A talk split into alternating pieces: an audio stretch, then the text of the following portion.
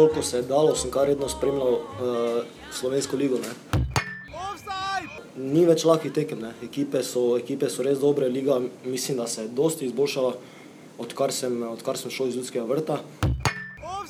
Mogoče v nekaterih uh, segmentih igre normalno je, je tujina še, še vseeno pred, pred uh, slovensko ligo, ne, predvsem v uh, kakih uh, uh, idejah, ko, ko igralec pride z žogo do, do uh, vem, 20 metrov od nasprotnega igralca. Mogoče je samo v tem razlika, drugače pa dinamike igre pa je res na, na zelo, zelo visokem nivoju. Jaz mislim, da je danes bila ena zelo dobra tekma, ena rekel, rušna tekma. Um, ena, mislim, da fantastična promocija slovenskega nogometa. Bilo je sicer tam nekaj spornih situacij, ki težko komentiram, ker nisem dobro videl.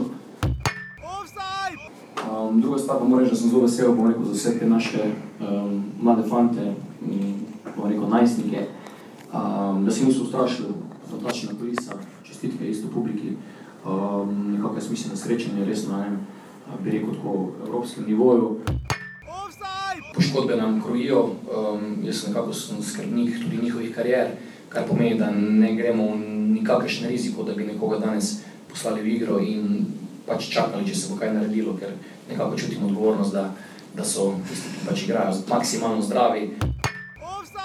Ne, meni, je, meni je super pasalo. Že po sami tekmi v Ankaranu smo se pogovarjali s sodelavci, da je tekma z domžalami zelo dobro došla.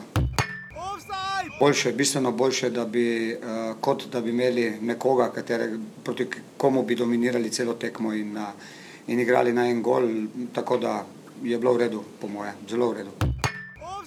Potem sem pa pričakoval, da se bo v drugem polčasu to malce spremenilo, da bo Milec mogoče malo padel, on dva meseca ni igral, kljub temu, da je redno treniral in da je se pokazalo, da, da, je, da je kar dobro pripravljen. To pomeni, da nam je okrepitev, sem zadovoljen s tem, kar je delal.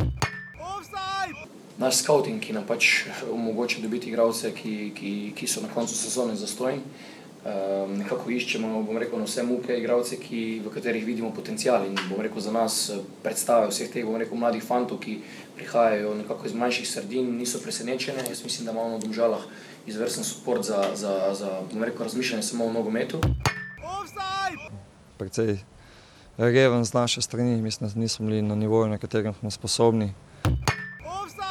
S točko sem zadovoljen, tudi tako, kot se je tekmo odvijala. Preveč smo se povlekli nazaj, ampak s tem seveda plačujemo tudi nekoliko davek prvoligaške neizkušenosti. Smo relativno mlada ekipa. Pa ništa, mogu reći da sam jako zadovoljan sa svime što su prikazali moji igrači, dečki. Zaslužuju sve pohvale od prvog do zadnjeg.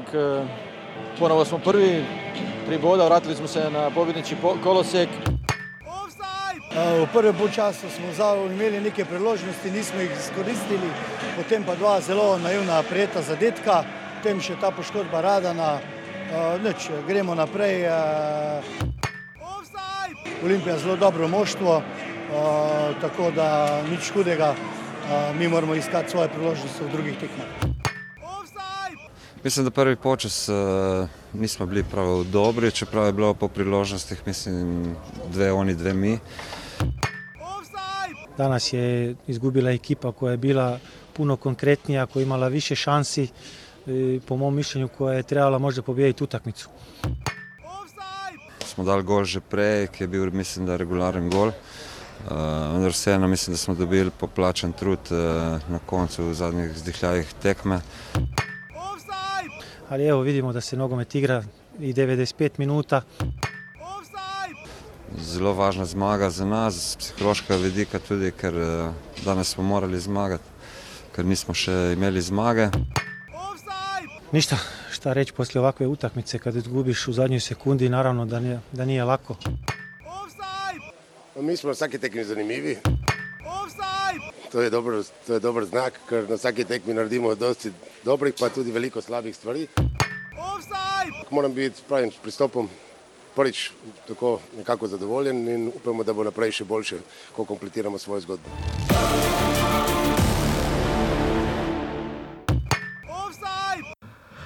Drage offsetke, dragi offsetki, ljubitelice in ljubitelji futbola slovenskega, spoštovane, spoštovani, lepo pozdravljeni v 94. oddaji Offside, oddaji o naši in vaši prvi ligi Telekom Slovenije in o dveh klubih, ki nas še zastopata v evropskih tekmovanjih in pa seveda v drugi ligi, ženskem nogometu in pa seveda tudi slovenski reprezentanci ampak kaj bi uh, jaz uh, razlagal vam v vodu in moj kolega, ne mi kolega Žiga, uh, če pa mislim, da imamo dosti, dosti, dosti boljši intro in pa ne na zadnje pa bilo za vse, ki boste šli v četrtek v Ljubljano na tekmo domžale Marsej.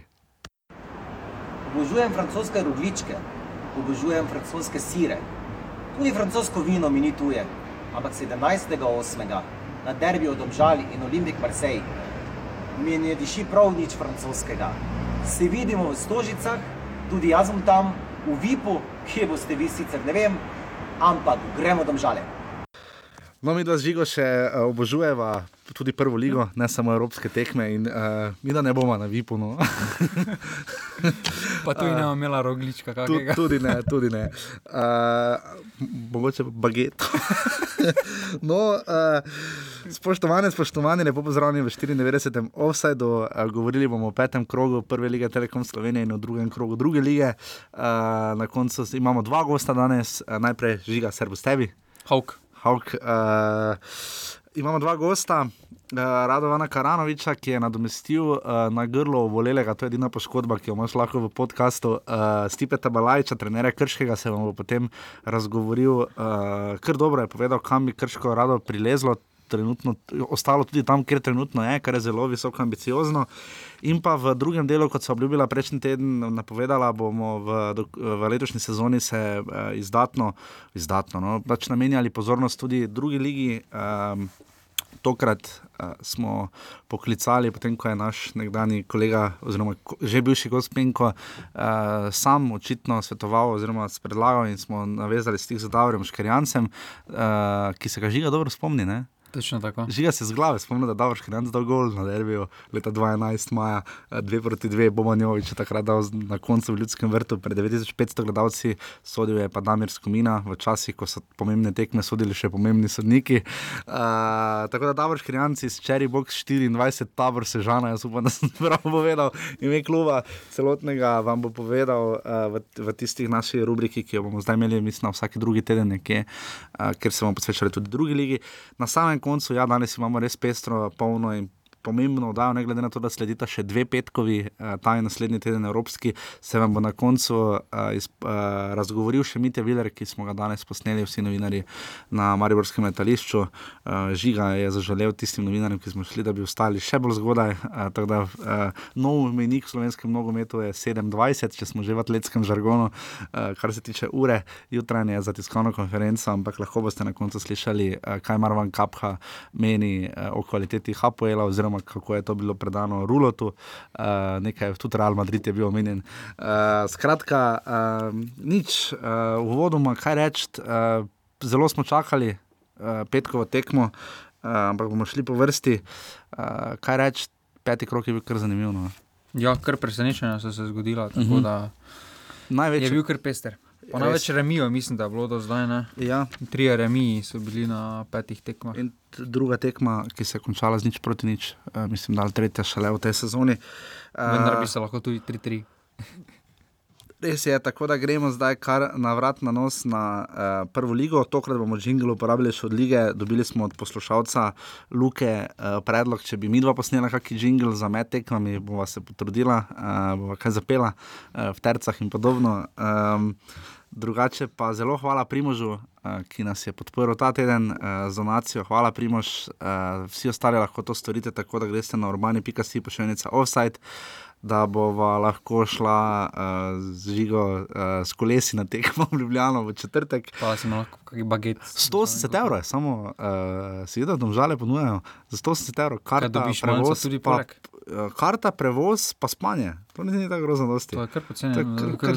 Kar solidna poceni. cena. No? Uh, solidna cena, upamo, da bo zbrali dovolj število prijav. Uh, Urbani Bikasi, pa še neca offside je uh, naslov, kjer lahko vse zveste oddaji in nas tudi, na, tudi podprete, da počnemo to še naprej. Sicer pa nas najdete na SoundCloudu uh, uh, ali pa na Apple podcastih, ki nam res dajte kakšno ceno, da bodo to vedeli še vsi tisti ki poslušajo uh, likovne odmeve na tretjem programu Radia Slovenije. Uh, tako, zdaj pa je na vrsti peti krok prve lige Telekom Slovenije.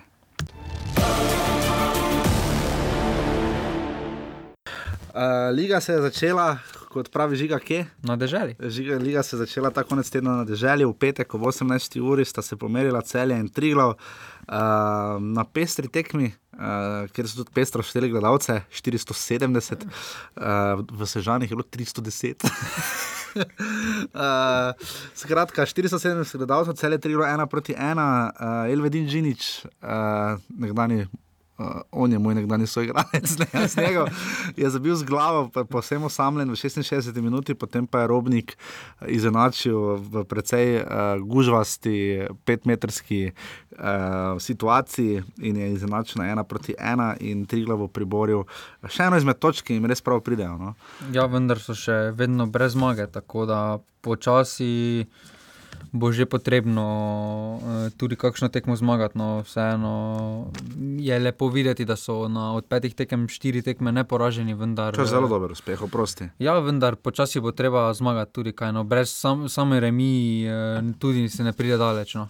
To je, to je res, uh, remi na remi, ni pogača v slovenskem nogometu, uh, ampak vendarle, uh, tu je večja težava celje. Uh, Tomaš Petrovič, ki upam, da ga bomo gostili v naslednjem krogu, eh, je spet rekel, da so bili revni, eh, da so premalo pokazali v prvem polčasu, da so se potem malo konsolidirali, postavili. Eh, videli smo, da Filip Dangubič ni Diego Armando Maradona, je poskušal z roko dati zadetek na mesto z glavo. Tam je to... bolj na odbojkarsko vrtanco spomnil. Bolj res. Lepo. Dejan Balažič je seveda to videl in tudi uh, dobro pospremil. Uh, tudi dobro je videl uh, tiste lupeta in tam simuliranje offside, z offside smo imeli kar nekaj težav v tem krogu. Uh, se je Dejan Balažič med sodniki tokrat kar izkazal. Uh, bomo zdaj malo pohvalili, da imamo potem alibi za gospoda Petro, za Petroviča, gospoda Periča. Uh, kaj reči, celje, celje se še kar ne sestavi, ne? sicer ja, imajo pet točk po petih krogih, ne? zdaj ima ena zmaga, dva remija in dva poraza, ampak igra jim res šepa. No? Ja, tukaj, tukaj je lestvica malo. Res ne kaže celotne slike. To se tudi vidi, da imajo velike probleme. Vseeno so na sredini lestvice, vendar, ko se pogleda njihova gol razlika, deset prejetih zadetkov, je že jasen znak, da jim tukaj nekaj po domače povedano ne štima, vseeno um, od zadaj imajo zelo izkušeno ekipo z načelom uh, že pri vratarju Rozman, uh, potem tudi Trauner, Kelhar, Džinič. Uh, to, to so vsi izkušeni igralci, ki so dali že veliko tekem pri ligi in toliko prejetih zadetkov jim ne more biti ponos.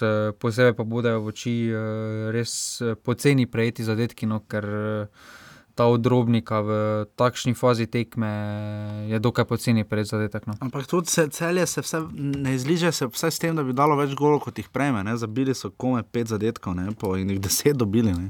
To je res relativno slaba gol razlika. Ne? Tretji so pa števili projekti zadetkov, samo aluminij je dobil še toliko in pa Ankaran. V bistvu imajo predvsem Ankarano podobno gol razliko. No? Ja, tukaj. Uh imajo kvaliteto, vendar eh, so zelo odvisni eh, v samem napadu, glede na navdih eh, Požega, Vansaša in Dangoviča. Tukaj, če ima ta dan, so zelo nevarni, deluje zelo kombinatorni, če pa kateremu ne steče, oziroma je v kakšni slabši dnevni formi pa je potem slika obratna in uh, se prikazuje velike težave celjana. Je to, da je samo eno menjavo storil Tomaš Petrovič, skrb zvajajoče, ne zgolj šušnjara, je zamenjal šauperla. Ne? Ja, to, eh, to samo nakazuje, da uh, nimajo velikega kadra, oziroma da res nimajo širine. No, Bi lahko rekla, da je Anton Zlogar, recimo to, kar je bil Slobodan Grubor, ko je začel z aluminijem v spomladanskem delu, da mu kar dobro gre. No? Se zdi, da so se veliko naučili iz tiste tekme z Mariborom. No? Ja, tukaj.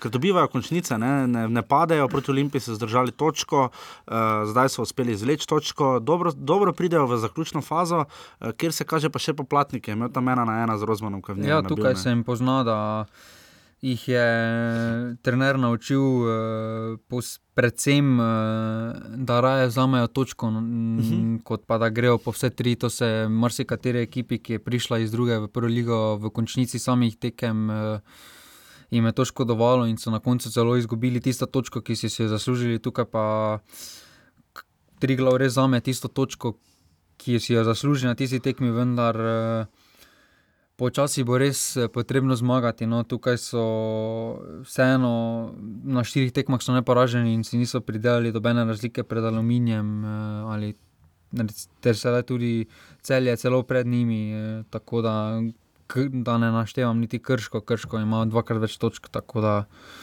ja. tukaj bodo morali počasi uh, zmagovati. No upamo, da bomo več vprašali naslednji teden, upamo, da Tomaža Petroviča pri uh, Triglavu, pa kot rečeno, uh, s točkami nadušujejo vse razen našega in vašega žigo. Uh, cel je Triglav, ena proti ena.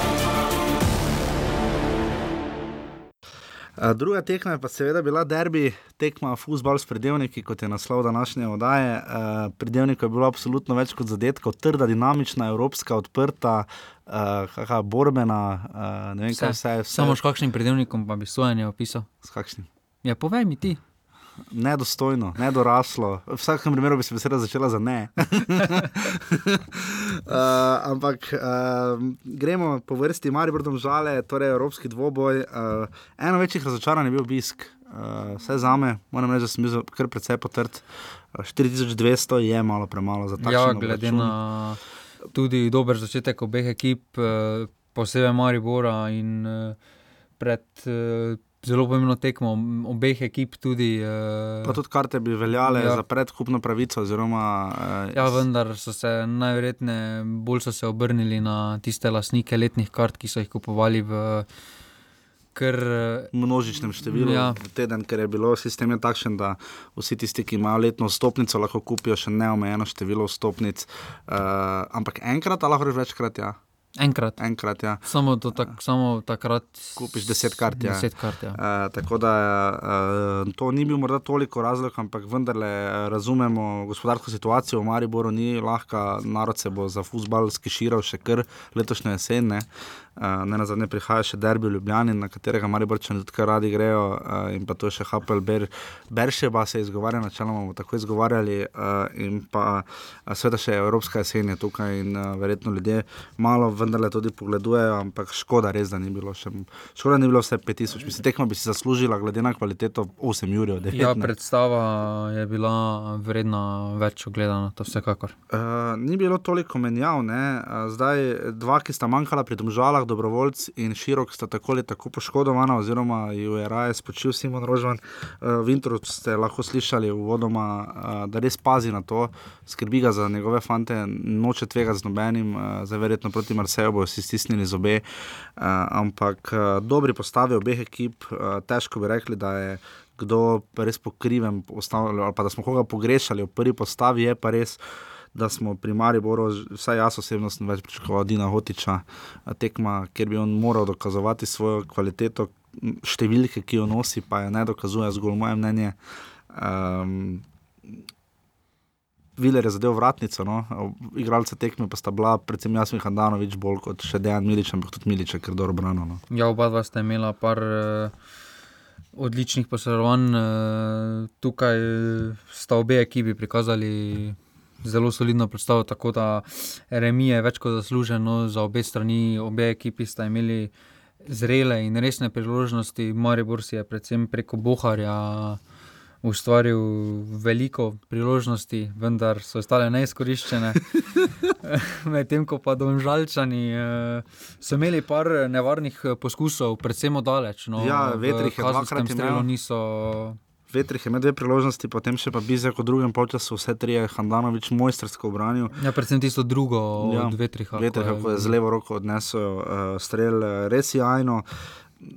Dark Milanič je lepo povedal, kot ste slišali uvodoma, tudi lahko, da je sedlo Mariboru, no, da jim je ustrezalo, da so imeli nasprotnika, da niso igrali samo na en gol. Eh, izrazito so lahko preizkusili svoj 4-4-2 sistem, v katerem se bodo zdaj dokončno obrnili, se zdi, morda na kakšni tekmi uh, z uh, nižjimi iz lige, ampak še tam vidimo, da Maribor se raje drži 4-4-2 sistema, ki ga zdaj izdatno preizkuša. Uh, sila težko je v ekipo priti, uh, zdaj ko so vsi ja. zdravi, uh, je že za naklop uh, konkurenca kar brutalna. Uh, in uh, kaj reči? Uh, ja, tukaj je Maribor. Uh... Glede na postavo, pač, če, če se pozna malo Darka Mila, nič on pred takšnimi tekmima, tekmami, kot je v sredo, bo izkoristil ligaške tekme za neko za neko preizkus moči. Eh, tako da tukaj imamo malo bolj moči kot uh, novih imen. Ne? Ja, tukaj je malo mu, no, malo mu je šlo v škodo, da, je kapka, da se je kapka ja. poškodoval. Sredini manj lahko no. vse skupaj preizkusil, kako bo izgledalo v sredo. Vendar, eh, Ampak s kapko je tako ali tako vse v redu, bo igral ja. v, v Izraelu. Bolje je za, zanimalo, ga, kako je v kakšnem stanju Milec. No, ja, Martin Milec, to sem mislil uh, reči. Prvi polčas, izrazita razlika napram Mateju Palčiču, pač to je treba treba priznati. Ja. Eh, njegova ofenzivna želja in glede na to, da ima Jureta Balkovca na drugi strani, uh, zelo korajžna. No? Uh, ja, razumel bi, da bi se tako spustil proti Krškemu, Ankaranu ali komorkoli drugemu, ne pa ravno proti Domžalam, ki pa ima pa močnega levega bočnega. Ne? Ja, tukaj. Uh... Je Milec pač že izpred, že izpred teklih let, ga poznamo, da se rad vključuje v napad, da se tam najboljše počuti. Eh, tako da tukaj je se bilo vidna razlika pri Mariboru. Eh, pred, uh, ko je bil Palčič na desni strani, je večina akcij šla preko Vilerja, sedaj pa se je ponovno obrnilo in je ponovno veliko, velika večina akcij šla preko desne strani, ker je bil Milec do kakšne 60 minute. Je zelo prodoren, potem pa, kot je tudi že sam priznal, mu je kakšna ideja zmanjkala na koncu. No kar lahko Maribor skrbi, je morda nekoliko nemirnosti v obrambi uh, pri samem iznosu žoge iz kazenskega prostora. Ja. Tam je bilo kar nekaj telovadjenja, ne zgolj enkrat, enkrat je bilo zelo nevarno, pa še vsaj dve, dva taka primera sta bila. Uh, to bo zelo pomembno za Izrael. No? Ja, uh, stabilnost obrambe. No? Noro pa je, ker za obramba je res v bistvu z izjemo vrhovca Pihlerja.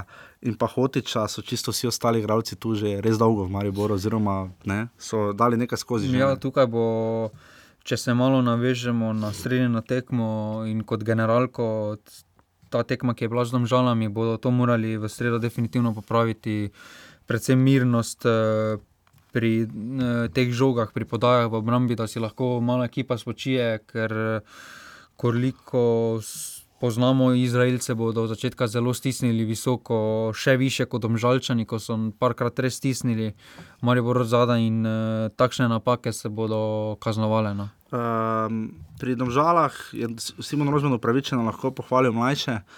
Matija Rom je recimo izrazito dobro zaustavil Mitja Vilerja, razen uh, tiste uratnice, čeprav mislim, da je tudi njega dodal na svoj spisek 893 igralcev, ki jih je. Je tam obrnil. v zadnjem solo, tam dobro tekme.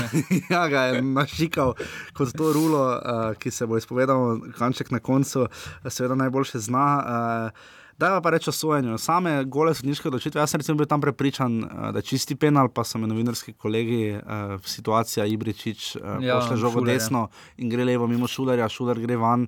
Uh, ni tako čista situacija za penal, ampak nič ne bi bilo narobe, če bi, bilo narobe, če bi Dragoslav Perič dosodil 11 metrov, kot težava je, da je pišalko nesel proti ustom. Ne. To se je videlo. Uh, še večja težava je, da bi tam Rajčevič, če mu je že pokazal, če je že odločil, da bi, bi ga moral izključiti. Uh, in pa potem seveda telovadenje, to, kar sta delala Žunič in pa Vidalje ob strani ob igrišču. Predvsem to. mislim, da je bil Vidalje. Vidalje je bil strani, drugi tam... pomočnik na vzhodni strani. Njegovi dva offsajda je eklatantna, oba bi morala biti uh, v škodo Maribora, ne? oziroma Maribor je bil dvakrat tam v prehitku v prvem času.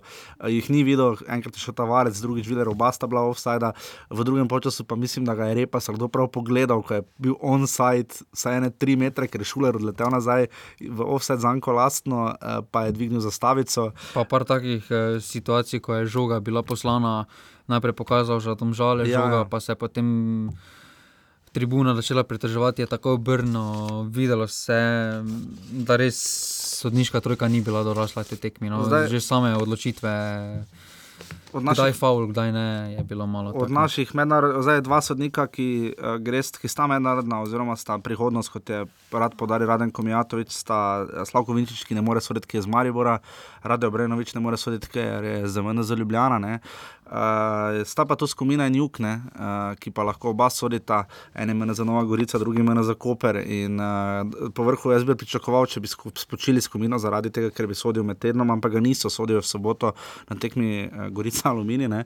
Tako da škoda, da ga niso poslali v Maribor. Mislim, da nič narobe, da preizkušam, ampak to zdaj kot smo se danes malo šalili, zjutraj na televizijo, to že zdaj res tako zgleda, roko gor, kdo še ni zajebal take tekme. Ne, ja, to, to bo morali na nogometni zvezi oziroma staniški organizaciji razčistiti, da takšne tekme si zaslužijo najboljše, kaj ponuja slovensko uh mhm. -huh. sojenje, slovenski sodniki, tako da tukaj.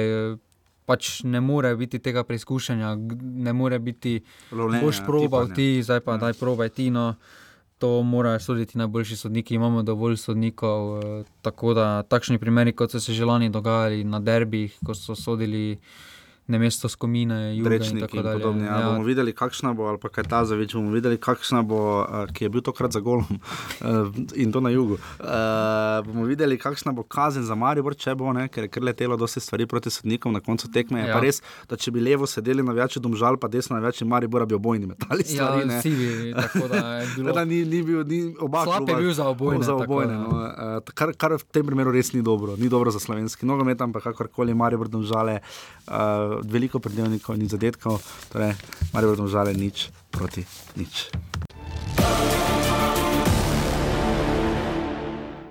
In ko smo pri naših najboljših sodnikih, Damir Skomina, uh, gospod Praportnik in gospod Zupančič so delili pravico, ki so jih nabrali Koper, Ljubljana, Moravče, so delili pravico uh, na tekmi Gorica Alumini. Uh, prva zmaga za Gorico. Uh, Dolgo so čakali. Dolgo so čakali, tako da kljub tega žiga ne moreš infati, da ima točka na grdo, imaš ti tri glave, veš, hashtag brdo beli. Uh, ne, goric... pravim samo, da tri glav bo mogel začeti zmagovati, če bo hotel napraviti razliko. Pa... Res lepo je videti, da po petih tekmah so štiri tekme. Dobro, ko Ankara ne remizira, pa moraš ti zmagati. Uh, ampak Gorica Alumini ena proti nič, uh, vmes je že padel zadetek, ampak so ga kar dolgo tuhtali, Skomina se je posvetoval za pomočnikom. Poklical sodnika za golo. Poklical Luigi, Pierre Luigi Colino, ampak kakorkoli. ja, poklica je ena. Video sodnika v Mariupol, uh, tam je skupina tam razveljavila zadetek, ampak potem je Grudina 94, oziroma celo skoraj da v 95 minuti, kot je Slobodan Grubor uh, povedal, uh, zadev, za zmago. Uh, lahko ste vodoma slišali, smo to kradali enega za drugim, uh, da vidite, da se Grubor in uh, Srebrnič ne strinjata pretirano o tem, uh, kakšne je bilo, kaj je fair bilo na koncu te tekme, ampak takšna je, takšna je življenje, takšna je realnost. Um, Gorica si je res želela to, to zmago, je pa res, da aluminije. Ne pomnim, ne pomnim aluminija tako korajšnega na gostovanju, že pa dolgo ne. Ja, predvsem vendar gostovanja v Gorici jim kar ležijo. No. Uh mhm. -huh. Tako da tukaj aluminij ima svoje priložnosti, vendar Goričani so si na koncu bolj želeli in bili bolj zbrani no, za ključko tam tekme. Ja, tam je bil taki, to, to so pa izkušnje Evropa želja, tam je res grudina. Ni bil ja. čisto sam, no, ni bil tako sam kot Džinič, recimo na areni Petro, na zdržele. Uh, ampak, pardon, ne bojo po prstih, bojo samo poslali. Gorica, alumini, ena proti nič, uh, rok grudina. Uh, grudina je sklopil stopo, če prav vem, ja, v namesto kolenca v drugem polčasu. Uh, Srebrniče, tu se je res oddahnilo, no, se je videlo, videlo da jim zdaj to kar ležine. Ja, tukaj ima. Tukaj ima Srebrenic res eh, privilegij. No, če se pogleda, kakšni igralci mu hodijo sklopi Grudina, Filipovič, eh, tu ima res širok kader. Tako da ta, to zmago so koričani res potrebovali, nujno, sedaj je že peti krok. Eh, Prva zmaga, ena, točka, ena, ja. ena remi, ena zmaga, torej ima štiri točke. Sedaj še ni nič hudega, no, ker vseeno so samo štiri točke za temi mesti, na, na katerih želijo biti. Je pa res, da zdaj pridemo v zadnjo tretjino, ne, znotraj te četrtine. uh, hashtag matematika. Uh, Gorico čaka še doma rudar uh, in v gosteh Ankaran. Prva tekma gotovo ni lahka, druga tudi ne, ker je dolga pot. Z Gorice v Dravograd, uh, potem pa še igrajo doma z Mariborom. Uh, tako da v bistvu nima pa tako lahkega razporeda, da bi zdaj res rekel, da si lahko privoščijo nekaj več točk. Ja, recimo... vendar, glede na kvaliteto bi tukaj morali usvojiti vsaj šest točk, če ne še kaj več. No. Ja, kaj, pa, kaj pa aluminij? aluminij uh, uh, meni je kar všeč, no res pa je, da imajo zdaj še eno gostovanje v Domžalah. Ne? Uh, ta gostovanja jim najbolj ne grejo, res pa je, da domžale bodo, to bomo tako na koncu rekli. Ampak uh, aluminij se sestavlja, pa tudi aluminij pravi zgolj eno menjavo. Petrovič je v 89 minutah zamenjal ta hira. Ne? Ja, vendar. Aluminij je res dobro začel, pa pozna se jim, da doma res znajo igrati, vendar v gosteh pa jim trenutno razen če je ljudski vrt, eh, jim nekako ne gre. Ne gre no. ja. Če še niste opazili na vse moje teorije, žiga začne z stavkom vendar. Uh, vendar. ja, uh, kakorkoli, 4-2 je bilo v strelih, posebej žoga še kar je zanačena, ampak na koncu tri točke, ki smo kar veseli za Gorico. Smo pa videli, da so se terorbojci pre predstavili že skoraj v gostilno. Zdaj so že res čisto desno, očitno jim stoli res ne ležijo, oziroma sedijo, kakorkoli se temu reče. Pa še oni so jih hoteli. Ja, mi smo morali, ja, želeli so jih, zato da so lahko na tisti eni evropski tekmi proti uh, Širaku. Povratni so, ja. so spustili. So spustili, potem po, pa Panjonis pa so bili. Panjonis pa so potem ja, lahko bili tam, ampak so, če tudi so stali že zelo v kotu, kot da so šli gledati skok, skok s palcem. Tam ne, uh, tam ne najdeš, na, na vzhodni strani ne. Uh, tako da so dočakali prvo zmago, Gorica, Gorica, Alumini, ena proti nič.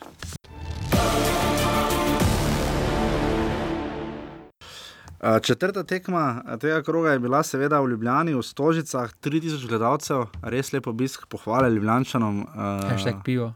Hashtag pivo, ja, hashtag verjamem za maje, res dober obisk, no, pohvala. Uh, ni za to, ne vem, over the top obisk, ampak 3000 ljudi za tekmo Olimpije, rodarje.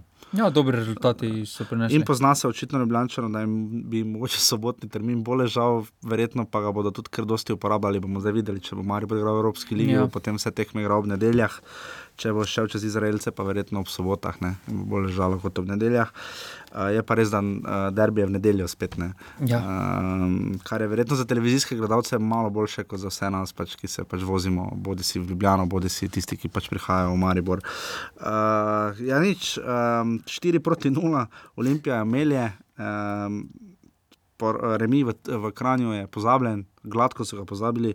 Igor Biščan tako malo pove, da težko smo karkoli izluščimo iz njegovih izjav, zdaj pa je pa zelo pohvalil svoje fante. Vidi se, da, sta, vidi se, da Olimpija letos res trdo dela uh, in da je bila menjava trenerja zelo uspešna. No, tu moramo Milano Mandariču reči, da je za uh, Marjanom Pušnikom uh, v tistem del, prvem delu sezone to v bistvu najbolj srečna roka, kaj je do zdaj imel s trenerjem. No. Ja, tukaj. Uh ne glede na to, da je bil v Noli, recimo, prvak. No. Ja, tukaj ni nič, eh, glede na rezultate, se ne more klubu nič eh, zameriti, da so menjali trenera. Ker so tudi menjali pol prve postave. Ne? Ja, Mislim, pol, pripeljali so pa tudi potem. Uh, Direkt pred, pred prvo prvenstveno tekmo so začeli voziti še neke dodatne ukrepitve. Tako da tukaj so se res našli no, skupaj in res trdo delajo, kot kaže. Tako da res vsakem času. No. Upamo, da bomo zvedeli kaj več informacij, recimo eno roko na veter, ne? še eno član Olimpije. E, roko na veter še vedno ne more še vedno sodelovati po polnosti v trenažnem procesu. Okay, rok, uh, rok vodišek pa je trenutno izven kadra. Izven kadra, kaj pa Mitrovič? Mitrovič pa mislim, da se trenutno tudi izven kadra, ker se pogaja za, za prestop. Uh, ker je kar igralcev, no, navralo se je, vidimo, sredina Kreca je spet stopil za klopi, uh, oduva, uh, vsi se sprašujemo, kje je Boateng, uh, ker konkurenca ja. Leke je spet stopil za klopi. Pa Vomberger še prije. Pa Vomberger je zdaj v bistvu že. Prišel pa je bil zbolel. Aha pa je še imel neke težave z gležnjem, vendar ne bi bil počasi pripravljen. No, na to tekmi sploh vemo, da Brkiča ni bilo. Brkiča pa se tokrat ni poznalo. No? Ja, proti ven... Kranju ga tudi ni bilo, pa proti Trigravu, uh, mislim, da no, upam, da se ne motim. Uh, ampak tudi Čanadža se je dobro izkazal, a pa uh, ti, ti novi fanti in pa tudi uh, Stefan Savič je, se Stefan, ne?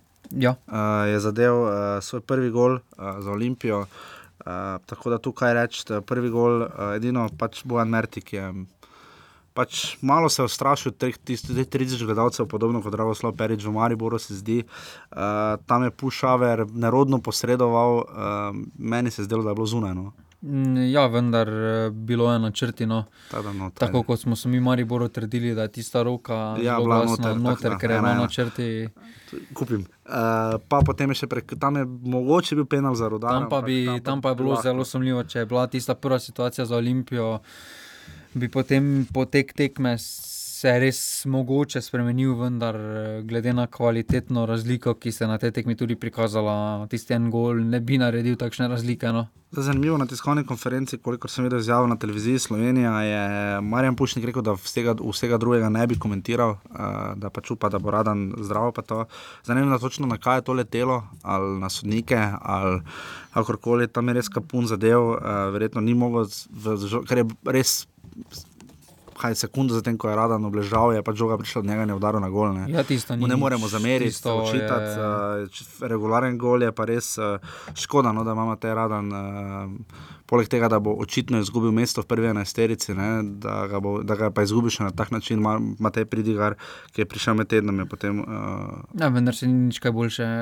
Matej Pridigar, Marko. Ne. Marko, Ja. Marko se ni nič kaj boljše potem udejstoval. No. Ne, t, uh, s, Predvsem pri zadnjem golu je se vrgel kar prazno. No. ampak vidimo, ne. Uh, Tako smo hvalili obrambo Rudarja po prvih dveh krojih, ko smo imeli šest točk.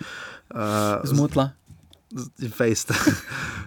Recimo v Krškem smo se tudi zelo, zelo zmotili. Uh, Trivkovič in Glavina, ne? Uh, zdaj je Glavina začel, pa ga je Meri zamenjal, ne? to je že malo farsa za izpala. Ne? Ja, to je res vprašanje. No, tukaj bi Meri, če, bi, če, če, so, se- če se je Marjan Pušnik odločil za s tem z enim napadalcem, bi Meri prinesel dosti več. eh, Prostora, oziroma te grobosti v napadu, eh, da bi lahko spuščal žoge.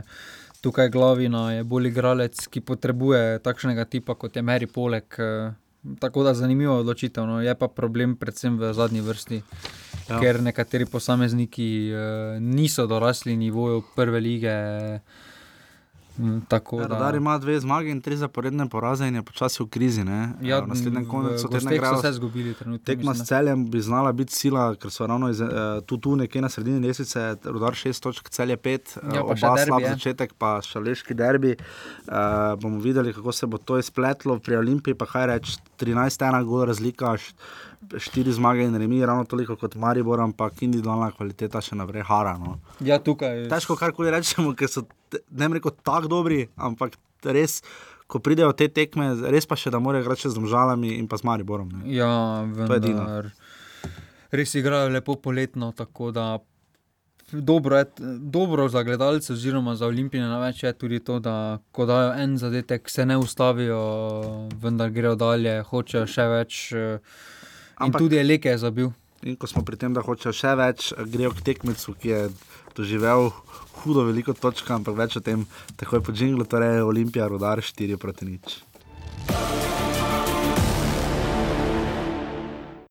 Zadnja in hkrati edina nedeljska tekma je bila pa uh, na stadionu Matije, Matija Gubec, na, na, na stadionu Matije Gubca na naslovu Matija Gubec 1.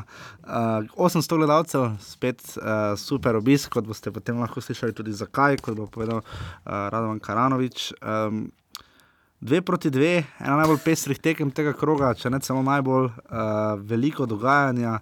Uh, in pa prvi strelec lige je Milan Škrbič, že na pol poti, da lahko kar počasi mu začne orože kupovati za naslov. Uh, Rok Kidrič, čeprav tam je, mislim, bil prekršek. Uh, to je, mislim, gospod Žganec, ker spregledal lepo, uh, da je potem lahko Kidrič sploh prišel do žoge, ampak kakorkoli je lepo zadev. Tonči Mujan, uh, obramba ni pomagala vratarju, ki ga bomo Ja, zdaj naprej je- narajo omenjali, pa, pa, Padopolosu, uh, novega palje prebranil, ne? Ja, pa je prebral. Uh, ki imel tudi dva- dva aja. Ne? Ja, Ja, pa, pa Padopolos zdaj brani. ne morejo eh, brez haja. Čeprav se mi zdi, da ni baš nek top krepitev. No. Vse potem, kar smo videli, Ne, meni se zdi, Štartna da- točka Delgado. Da pri Ankaranu ni bil problem vratar. No. no, to, to definitivno ne. Uh, je pa res uh, izjava vlada Bađima, Bađima, kot ste lahko slišali na začetku, je bila vrhunska, pa mi smo zanimivi. Ne? Absolutno ni kluba, ki bi bolj zanimiv bil kot Ankaran. In so prišli do prve točke, ne? druge. Za druge, no. Klapanje na koncu zadev v Res lepo. 64 Res minut, ja. lepo, da je tam bil. Povej akcijo. Kaj se zdaj ne spomnim? E, Odaleč je streljal z. A ja, ja, ja, jo, žoga se je odbijala, Ja, ja, prišla on na- pa je na- samo prišel, On pa- pa je res eh, zalog, kar je lahko samo žogi pomagao. Uh, in je bilo na koncu dve proti dve, točka, um, ne more biti nezadovoljni eni in drugi. Uh, je pa res, da Krško, krško. Ne, glede ne, na začetek. Glede na začetek bi si zaslužili več, ampak glede na to, da je Ankaran vendarle zanimivo moštvo, je tudi točka eh, dosti. In točka, ki eh, nam vr- vrača upanje, no, da bo Ankaran uh, naslednji konec tedna premagal Olimpijo in imel stik z. imel, ja, no, dve točki imajo, vsi pred njim pa štiri, ne, uh, da jih ulovijo. Ne, eh, da, da, pač, Idejo zraven, pa nam očitajo, da se toliko smejijo, le zdaj. Uh, skratka, v vsakem Pa primeru. še doma igra. Doma igrajo, ja. no. ne, ne igrajo doma. Oni nikoli ne igrajo doma. Ampak kakorkoli že, uh, Delgado je znovič, znova igral, je imel kar dobro tekmo, očitno. Če ni bil gol, malo kriv. Jaz ne morem več. Garan Hrvatini imajo dve točki, ki so jo iztržili, so drugo točko, torej pri Krškem. Uh, več o tem. Um, Krčani so imeli kar na koncu kar par uh, resnih priložnosti. so imeli, ja. Le kaj si zdaj naredil? Nič enkrat to ti de. Uh, ne, ni šanse. Uh, Krško, Ankaran 2 proti 2, uh, da se vam vidno žigo nehala toliko smejati, še enkrat se opravičujem za dozo neresnosti. Uh, se bo pa, ker je rekel, vprašal tudi, če bo lahko to poslušal, vidiš, mi se pa tako smejiva. Radovan Karanovič, pomočnik Stipeta Valajča, uh, tudi nekdani igralec v prvi slovenski ligi uh, in pa tudi v Mariboru je uh, deloval v nogometni šoli, sicer pa mislim pri- v Bosni in Hercegovini začenjal svojo kariero.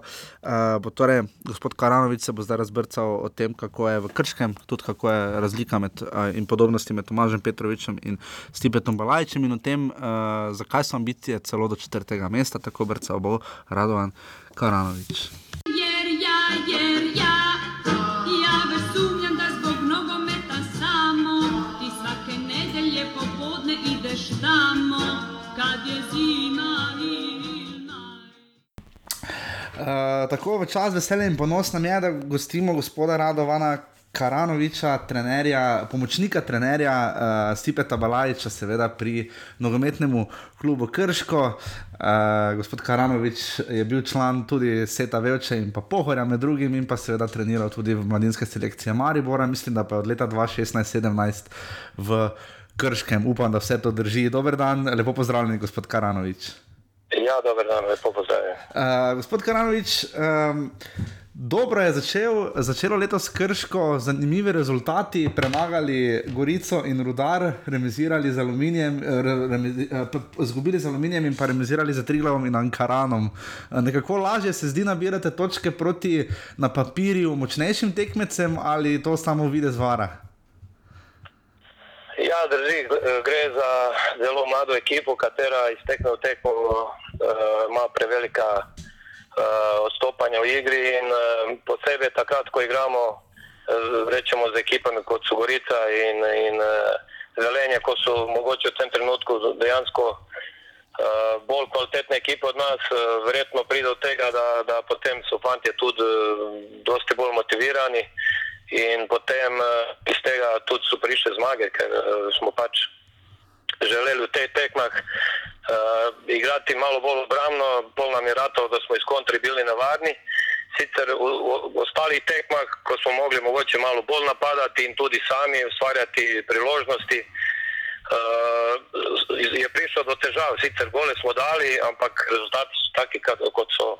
Se kaže, da smo v tekmah, ki so nasprotniki enakovredne ali slabši od nas, uh, bili rezultatsko bolj uspešni, manj uspešni. Mhm, Zdaj, smo pred začetkom sezone, smo v naši oddaji špekulirali, seveda bolj na pamet ugibali, ampak uh, bilo je kar nekaj odhodov, nekaj seveda tudi prihodov, mlada ekipa, tudi menjava, ne na zadnje trenerja, prišel je gospod Balajič.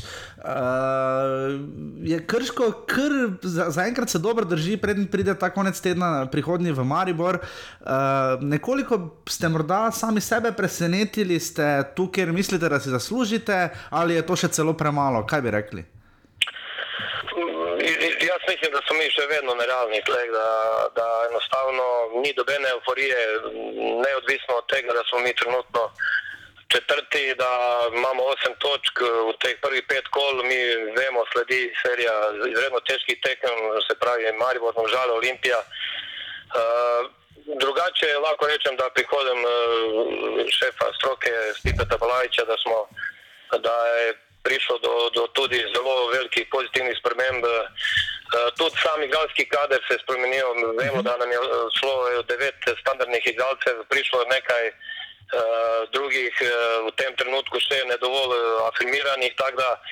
Zelo velike spremembe, ampak lahko rečem samo to, da mi še vedno v tem trenutku vemo, ki smo, kaj želimo narediti in tudi vemo, da smo zaenkrat naredili en majhen korak. Je Miljano Škrbiču koristilo, da je Filip Dangovič odšel v celje, da je odšel Martin Kramarič in tako naprej, ker je trenutno z naskokom prvi strelec lige? Ne? Jaz, jaz bi tako rekel, Miljano Škrbič je nedvomno ima kvaliteto, pač imel je težave. Uh, njegov prihod na splošno v NK Krško je njemu eh, je bila v tem trenutku verjetno ena težava, ker je prišel nepripravljen in je rabo eno obdobje, da, je, da se malo bolj pripravil. Tudi spomladi, ko je začel dajati gole, potem spet prišel do poškodbe, pa je imel operacijo.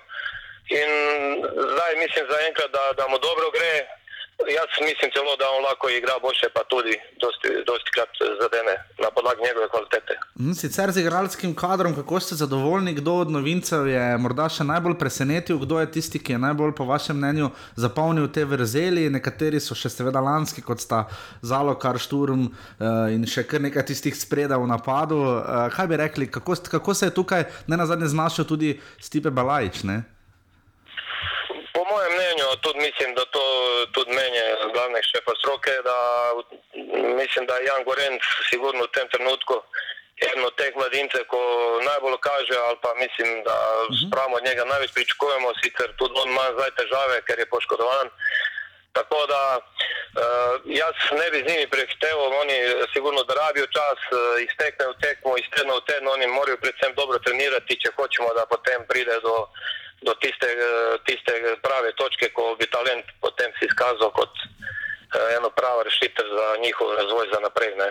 Kaj bi rekli, vem, da malo nehvaležno vprašanje, ampak eh, delali ste s Tomažom Petrovičem, zdaj s Tipetom Balajčem. Uh, kje sta si podobna, kje se razlikujeta, predvsem glede igre? Uh, ja, drži, delal sem tudi s Tomažem, zdaj sem s, s Tipetom. Uh, lahko rečem, da je, da imata oba dosti podobnih lastnosti. Razlika je samo v tem, da po mojem mnenju, ker je vseeno Stipe igral uh, na najvišjem možnem nivoju in uh, verjetno je tu ena razlika, ki je med njima, kar se tiče nogometnih stvari, kar se tiče ostalih stvari, lahko uh, povem samo velike besede, hvali za enega za drugega. Zdaj, eh, tri glavne, kako dokazuje, da se da igrati tako z Mariborom kot z Olimpijo. Z Maribor so dolgo držali, vodili dva nič, na koncu izgubili in izvlekli točko doma proti uh, Olimpiji. Sicer vi greste zdaj v ljudski vrt. Uh, kaj bi rekli, kako se zaprstaviti temu, kako se postaviti v tem težkem ritmu, ko vas čaka, ko ste sami rekli, Maribor, domžale in pa Olimpija? Pa mislim, da približno vem, kakšna je v Mariboru, kakšno razmišljanje ali vizija kluba in kaj pomenijo njimi te tekme po težkih odigranih mednarodnih tekmah. 11 let sem delal v klubu in točno mhm. vem, tu uh, gre za en, po mojem mnenju, najbolj daleč, najbolj profesionalen klub v državi. In oni tekmo ne bodo vzeli kot eno, sigurno se bodo maksimalno pripravili na nas, kar se nas tiče, pa lahko rečem, da, da bomo probali tudi v Mariboru. Uh, saj prinesti točko iz te tekme, glede na to, da ti fanti, večina tih fantov bo prvič igrala proti Mariboru in mislim, da bodo maksimalno motivirani. Mi bomo vse naredili, da res maksimalno se pripravimo za tekmo in probamo priti nazaj enostavno brez poraza. Morda to eh, edini poraz ste utrpeli proti Aluminiju, ki, ki je tudi nekako med temi mlajšimi prvoligaši, tudi Krško igra tretjo sezono v prvi ligi, zdaj ste se preizkusili s Triglavom in Ankaranom, izvlekli obakrat po točko. Uh, kakšna je tu nekako ta, ta četverec, Triglav, Aluminij, Krško in pa Ankaran? Uh, kje ste tukaj, kje so tu face razlike med vami ali ste si kar blizu? Kar se tiče razlike, pre, lahko rečem, da, da, da ne vidim prevelikih razlik eh, glede same kvalitete ekip. Eh, Mogoče dejansko v tem trenutku Ankaran zaradi takih drugačnih eh, stvari še vedno, po mojem mnenju, verjetno ena od slabših ekip, ampak tudi oni so zdaj pripeljali nekaj novih igralcev, kateri bojo sigurno v določenem času pokazali kvaliteto in mislim, da bo prvenstvo v tem letu glede teh ekip iz spodnjih dela zelo zanimivo. Eh, Vidimo sami, da Triglav tudi iz tekmo tekmo dokazuje, da so zelo trda ekipa, da enostavno uh, njimi ni problema ali igrajo z Marijo Olimpijo ali igrajo proti, tri, uh, proti Krškem. Da, uh, razlike bojo verjetno, m, po mojem mnenju, tudi v, v uh, same kvalitete ekipe in v tem verjetno kdo ima več kval, bolj kvalitetnih igralcev, da bo lahko skozi prvenstvo pariral vseh teh tekmah.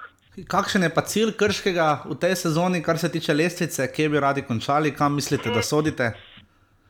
Ja, moram odkrito povedati, cilj uh, našega šefa stroke je sigurno četrto, peto mesto, ampak uh, to je tudi odvisno, če se bomo še kaj ukrepili, če bomo lahko.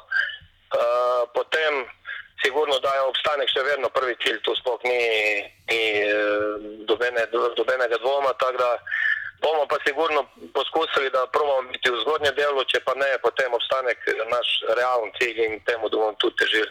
V Krškem se navijači še kar pridno držijo tega, da hodijo na stadion. Kako, kakšno je vzdušje zdaj v Krškem, tretja sezona, menjava trenerja, navijači so še vedno zraven. Ne? Ja, moram povedati, da res gre tukaj za izredno realne navijače, da, da realno gledajo na zmožnosti kluba. Zaenkrat, da tudi odziv na tekmah je, glede prve lige, če pogledamo tudi na drugih stadionih, izredno dober. Uh -huh.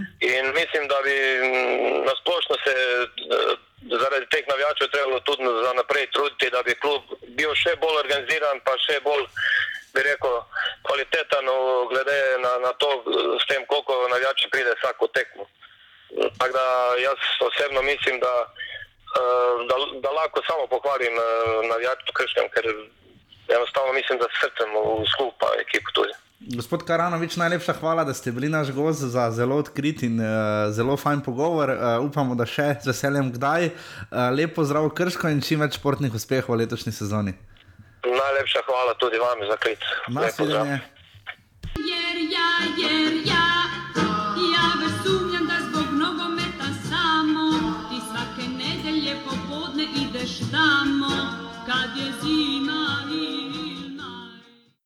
Tako, to je bil torej peti krok. Hvala gospodu Karanoviču, hvala nogometnemu klubu Krško, uh, da so v zadnjem trenutku uspeli zamenjati ceno sogovornika. Uh, upam pa, da bomo seveda Stipe Tabalajča slejko preenkrat gostili v naši oddaji. Bomo probali, zdaj sem razmišljal med drugim, seveda na offsetafnorvani.si za vse birokratske, tehnične in zadeve in pretožbe, seveda ziga.kosaf na gmail.com. Uh, lahko uh, uh, predlagate ena ideja, da bi več igrali, da bi zdaj smo imeli ogromno trenerjev v, v prvi četrtini prvenstva, da bomo potem morda malo več igralcev, pa potem spet trenerji, pa igralci, nekako na ta način. Uh, Kombinirali, uh, tako da za naslednji teden smo rekli, Tomaš Petrovič, da bo gost za petek še razmišljala, točno kako bo naredila več v petkovi oddajna še na koncu. Danes smo res dolgi, še enkrat to prevečilo, ampak upam, da nam ne zamerite. Uh, prihodni konec tedna, torej tekmi sta uh, ob obe ob 25.40, ne pozabite, v sredo po našem času, seveda uh, ob 25.40 Maribor, Hapel, Beršeba, Maribor. Uh, bomo videli, kako se bo to razpletlo, himna lige prvako, ne pozabite tekme na kanalu A. Na Pop TV. Na Pop TV, pardon, ja, na Pop TV, hvala. To sem tudi zanimiv, da, so, da se kanal, da se ProPlus tako odločil, pa tokrat ni zaradi košarke, ne. Košarka, Prav košarka, niti že to, ta vikend, včeraj niso prenašali. Ja, so prenašali, sem se bile tekme kasneje. Uh, Ob šestih, Slovenija, Ukrajina niso prenašali. prenašali. Aha, niso. No, zanimivo. Uh, in pa potem, naslednji konec tedna igral naši v Izraelu, pravzaprav ja. tekmo. Uh, in pa potem v četrtek v Stožicah, uh, Damien Murko in mi, uh, za rumeno družino. Samo Damien Murko na Vipu. Ja, Damien Murko na Vipu. 20-45 je tekma v Stožicah, res upamo, da bo proti Marseju, da bo žalčani prikazali vse in še več, kar s čimer nas razveseljujejo. V tej sezoni, uh, potem pa uh, torej 95. offset pride v petek. petek, in potem za ponedeljkov offset, pa morate vedeti, da pride šesti krok. Uh, začel se bo v. Ne bo ponedeljek. ker je v ponedeljek še tekma. Dobro, te bo vtorek. Hvala, uh, ko Marijo igra. Uh, sobota uh, ob 16. uri, za, vse vseeno, ja, zaradi mitinga, velenja, po moje. Ja. Uh, ob soboto, torej spet tri dni traja liga, uh, ob 16. uri, tri glava Gorica, greva kar na hitro, tu uh, Gorica zmaga. Pač. Ne, tukaj je res. Gorica bo imela kar težko delo. No. Težko delo, da bi zmagala, ker Ja, ja, to je. zmagal nujno. Ne. Eh, Maribor Krško v soboto 2020, t- eh, to, to so tekme, ki stalno Maribor uh, ima neki eho, Ja, pa odmev na vprašanje, kakšno popotnico s kakšnimi glavami bojo prišli iz Izraela. Tako da Krško pa- ima tukaj priliko. No. Ja, pride pa še le, uh, slišali ste gospoda Karanoviča, da dobro pozna Maribor, uh, kako, kako pride iz teh evropskih tekem domov, pride Maribor šele v četrtek popoldan. Uh, zaradi logističnih razlogov, ker imajo kar daleč do Beršebe, pa čarteri ne letijo po noči in podobno, oziroma ne smejo v Izraelu ali kakorkoli že.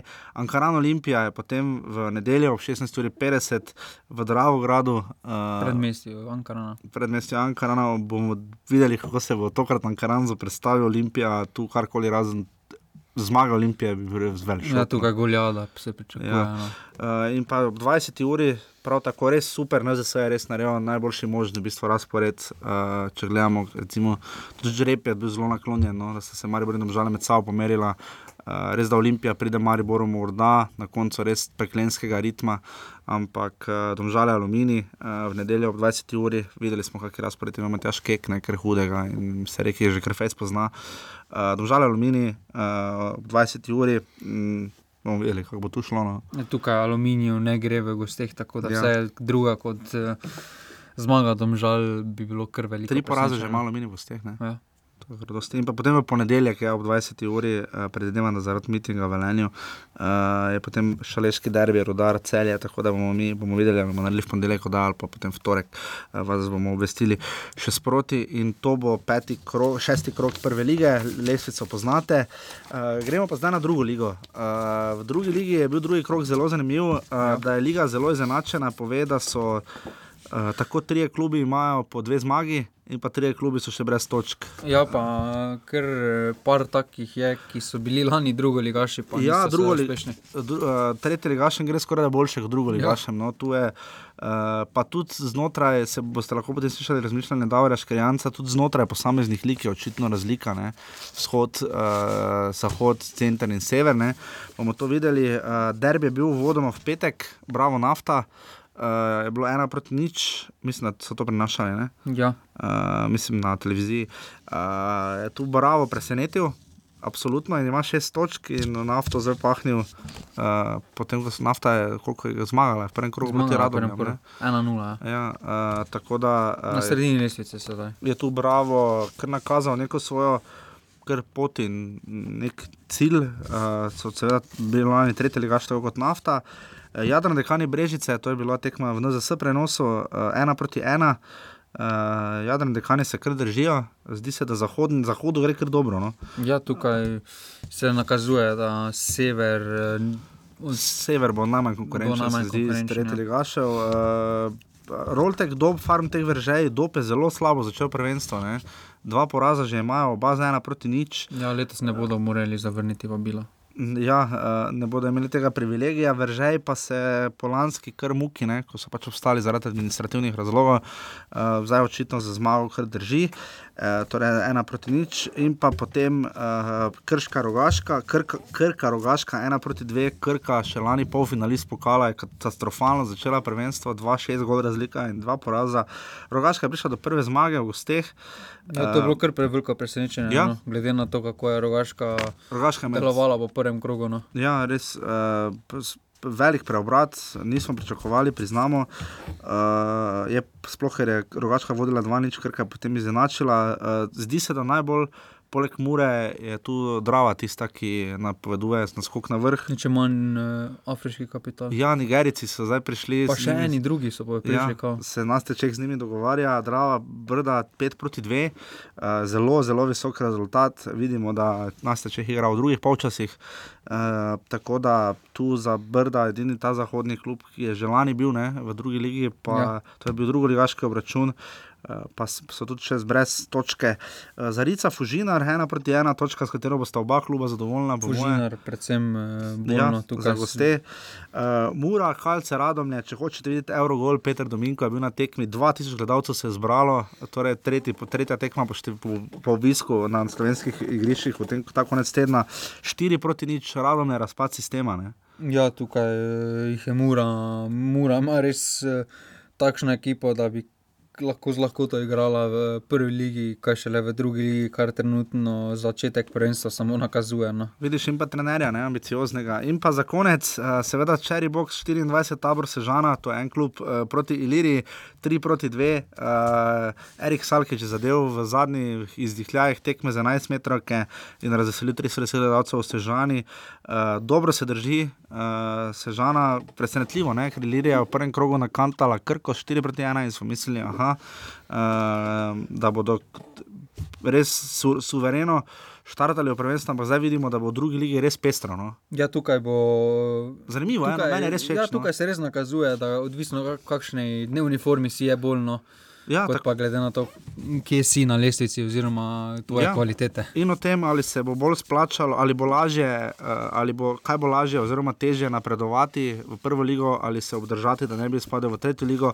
Bomo med drugim in izkušnje sežana eno od tistih mest, poleg Tuja, Rogaške in še kar nekaj teh mest, kjer so morali kljub Murske sobote, kjer so morali kljub na novo postavljati. Uh, uh, bolj ali manj, uh, bo, bo zdaj povedal Davor Škrijanc, uh, strelec kula na derbiju, uh, kar dolgo za Olimpijo igral. Ja, uh, pa tudi pa za primorje, pa tudi potem še, mislim, da smo gledali, na koncu za tabor še zdaj igra, uh, sodeč po statistiki. Tako da Davor Škrijanc vam bo zdaj. Uh, Razbrca o tem, um, kako drugo ligo vidijo na zahodnem delu države v Sežani. Jer, ja, jer, ja.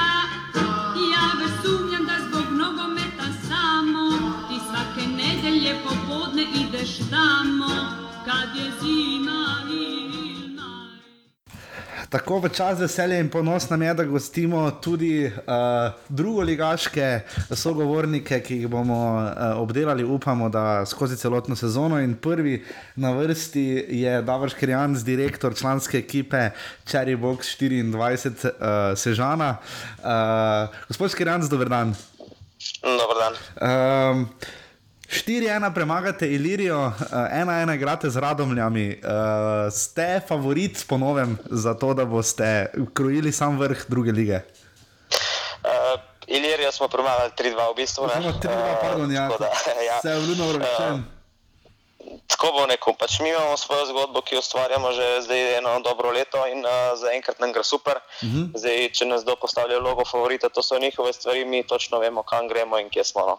Ja, Lirija v prvem krogu 4-1, seveda premagala Krko, to sem napak gledal. Uh, gospod Škrijanc, uh, kakšna je zdaj liga, ko je 16 uh, klubov v prvi ligi? Je po vašem občutku kaj drugače, ne na zadnje ste se pa, ste pa vanj, vanj, zdaj sodelujete tudi vi? Ne?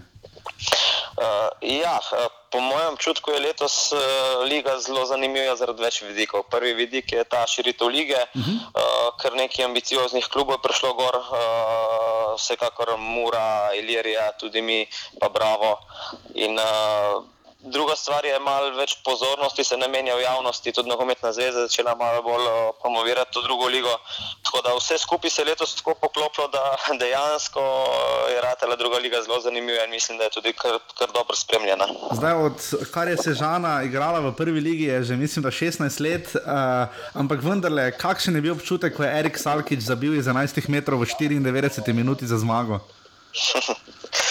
Odlično, vsekakor ne. Še, uh, to, da, da lahko mi, fanti, tudi Erik Talkič, eno teh domačih fantov, da lahko na svojem domačem igrišču uh, v bistvu ustvarjamo eno lepo zgodbo in uh, v bistvu zadovoljujemo naše navijače, to je fenomenalno. Ne? In mislim, da uh, itak vsi te ekipe pa vesela, ampak še toliko bolj domači fanti.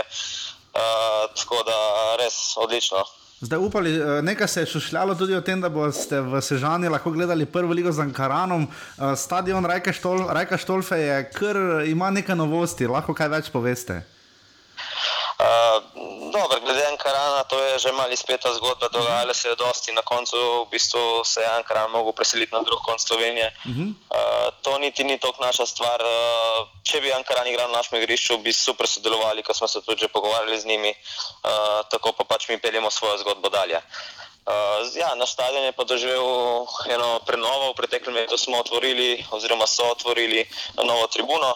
Uh -huh. uh, tako da s tem smo pridobili tudi super klubske prostore od spodaj in dejansko je na stadion uh, na top nivoju. No. Uh -huh. Kaj bi rekli, uh, ko ste se pogovarjali pred začetkom sezone uh, z Fužinarjem, Rogaško in Dravo, uh, različne ocene o finančnih aspektih druge lige, koliko bi vi rekli, da je potrebnega finančnega uložka, da se da normalno živeti v drugi ligi? Uh, je kar zahtevna. No? Poleg uh -huh. zdaj, vseh potovanj in to sodniški stroški so kar visoki. Tako da uh, ne vem, neko za minimalno delovanje kluba mora biti proračun že kar, uh, kar soliden. No? In težko je zbrati take take zneske samo v lokalnem okolju. Tako da skoraj nujno je imeti kakšnega konkretnega generalnega sponzorja, da lahko pelješ neko malo bolj resno zgodbo. No, zdaj, zdaj, o, toč, uh -huh. o točnih številkah pa težko govorimo. Jaz mislim, da razpon nekje tam od uh, 70-80 tisoč pa do 300, tako občutek imam. Uh -huh. uh, ko sem se pogovarjal ravno tu z Rogaško, recimo, mislite, da bo nastala razlika med klubi, ki ste prihajali recimo iz zahoda, centra, severa, vzhoda, da, bile, da je bila različna intenziteta kvaliteta, da ne rečem kvaliteta posameznih tretjih lig, da bo razlika nastala. Ne na zadnje imamo pa samo tri klube, že po dveh krogih, ki so zmagali obe tekmi. Uh, tako, klubi so doživeli dosti prenove in zdaj, glede na to, kak, kako so ekipe izgledale lani v tretji ligi uh -huh. uh, in letos v drugi ligi, je kar precej razlik. Že mi, že mi smo v bistvu zamenjali osem igralcev, oziroma pač nekaj, nekaj uh, lanskih letnih igralcev se je odločilo, da, bo, da je druga liga prezahtevna za njih, tudi časovno.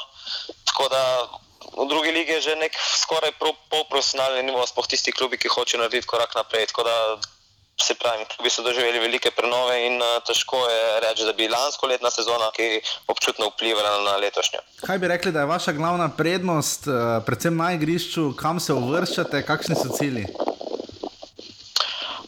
na igrišču imamo mi kar dobro, dobro zmešano ekipo, ta kombinacija izkušenj in mladosti, mislim, da je to naša dobra kvaliteta. In uh, kot klub, kot sem že večkrat izjavil, naša vizija kluba je postati najbolj urejen klub v Sloveniji in na tem ugradimo. In, uh, uh, in to že kaže tudi rezultate, zato ker je kar, kar velik interes uh, igralcev, da bi se priključili naši sredini. Bo teže napredovati iz te lige ali teže obstati v njej? Uh, mislim, da bo teže napredovati. Uh -huh. Zato, ker uh, nekaj ekip uh, kaže resne ambicije uh, po prvi ligi in tam bo konkurenca kar močna. Zdaj za obstanek pa sigurno bo nekaj ekip, ki se bo borilo. Uh, ampak uh, jaz sem vseeno občutek, da je nekako lažje obstati, kot napredovati. In še to 310 gledalcev se je zbralo uh, ta vikend. Uh, kako se žana doživlja drugo ligo, kakšno je pričakovanje okolja, kako, uh, kako, kakšno, vse, vse pozna razlika, da je zdaj spet druga liga? Ja, vseeno tako je, vsežanje je, so navijači kar eh, potrpežljivi, oziroma ko bi rekel, se ne zaženejo na prvo žogo in mogoče malo skeptični na začetku. Tako da mi smo rabili eno leto, da smo pokazali, da je zgodba resna. Ne? Počasi začnejo tudi gledalci to sprejemati. Uh, in, uh, Vseeno jim ostaja grenek pri okusu, po tistem letu 2000, ki se je zgodilo s prvo ligo in potem propad kluba, in vedno znova mi to vržejo na plan, ko povem jaz, da imamo mi malo bolj resne ambicije. Da, uh, ampak to je ena druga zgodba, ki z nami nima dosvezene in uh, to bomo tudi pokazali s časom, ko bomo. Ustvarjali naprej. Ja, kar nekaj takih klubov je, ki so na novo začeli zgodbo, ne? Drava, Rogaška in podobni. Ne? Tako je. Uh, gospod Skarjanc, čim več sreče v drugi ligi. Uh, kaj bi se rekli, kaj je glavna prednost druge lige, ki je prva liga nima? V drugi ligi uh, ni podarka toliko na tujcih in tujih igralcih, ki prva liga da preveč podarka na to. In v bistvu mislim, da druga liga je odličen poligon za mlade domače fanti, ki zaključijo mladinski staž, da se uveljavljajo v članski kategoriji. V prvi ligi je pa pritisk rezultate že tako prevelik, da se jim ne da dovolj priložnosti. Uh, gospod Škrenc, najlepša hvala, da ste bili naš gost. Veliko sreče proti rogaški naslednji konec tedna uh, in naslišanje upam, da spet kdaj spomladi. Dogovorjeno, najlepše hvala vam, pa lep dan. Nasvidenje. Nasvidenje.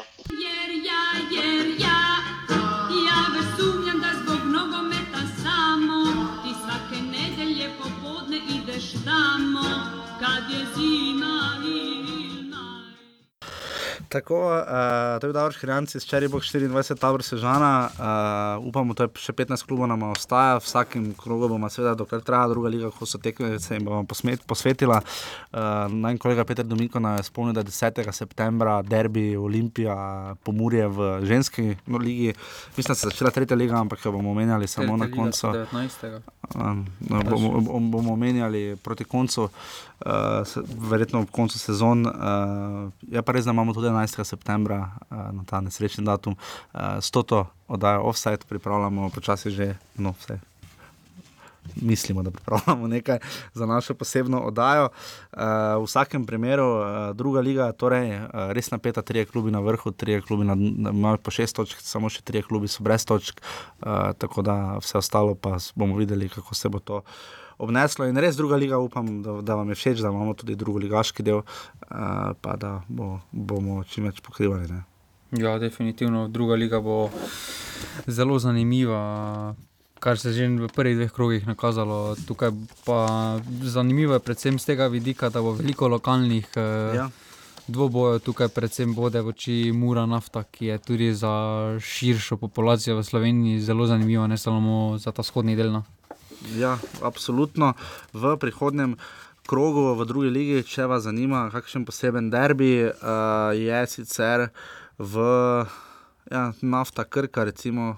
Ampak ta niti ni tako. Lira Mura, naslednjem krogu. Ja, eh, to bo zelo- To bo recimo derbi To kroga. bo kar zanimivo. No. To bo derbi kroga in uh, bomo seveda vse vas proti obveščali. Kot rečeno, ne pozabite na evropski tekmi. Ma, ma, Maribor igra s Hapo Elberšebo v sredo, Domžale igrajo v četrtek, Offset se vrača v petek. Takrat vam bomo tudi povedali, kdaj bo naslednja oddaja, torej 96, sledi 95. In pa seveda dolžni smo vam offside. ne, Um, Ja. Maribor jih ima 17, eh, Gladko so v vodstvu. enega je še pridobil uh, proti Domžalam, uh, vsi ostali klubi so pa bolj ali manj mesta zamenjali. Uh, čisto vsi, mislim, da Krška je padla na zadnje. Celje ima 12 offsajdov, Olimpija prav tako, uh, Rudar 11, Ru- Ru- Triglo, ki je bil še drugi do tega kroga, je zdaj peti in jih ima 10, tako kot prej, Ankaran 9. Poglej, Gorica 8, Aluminij 7, Domžale 5 in Krško 4.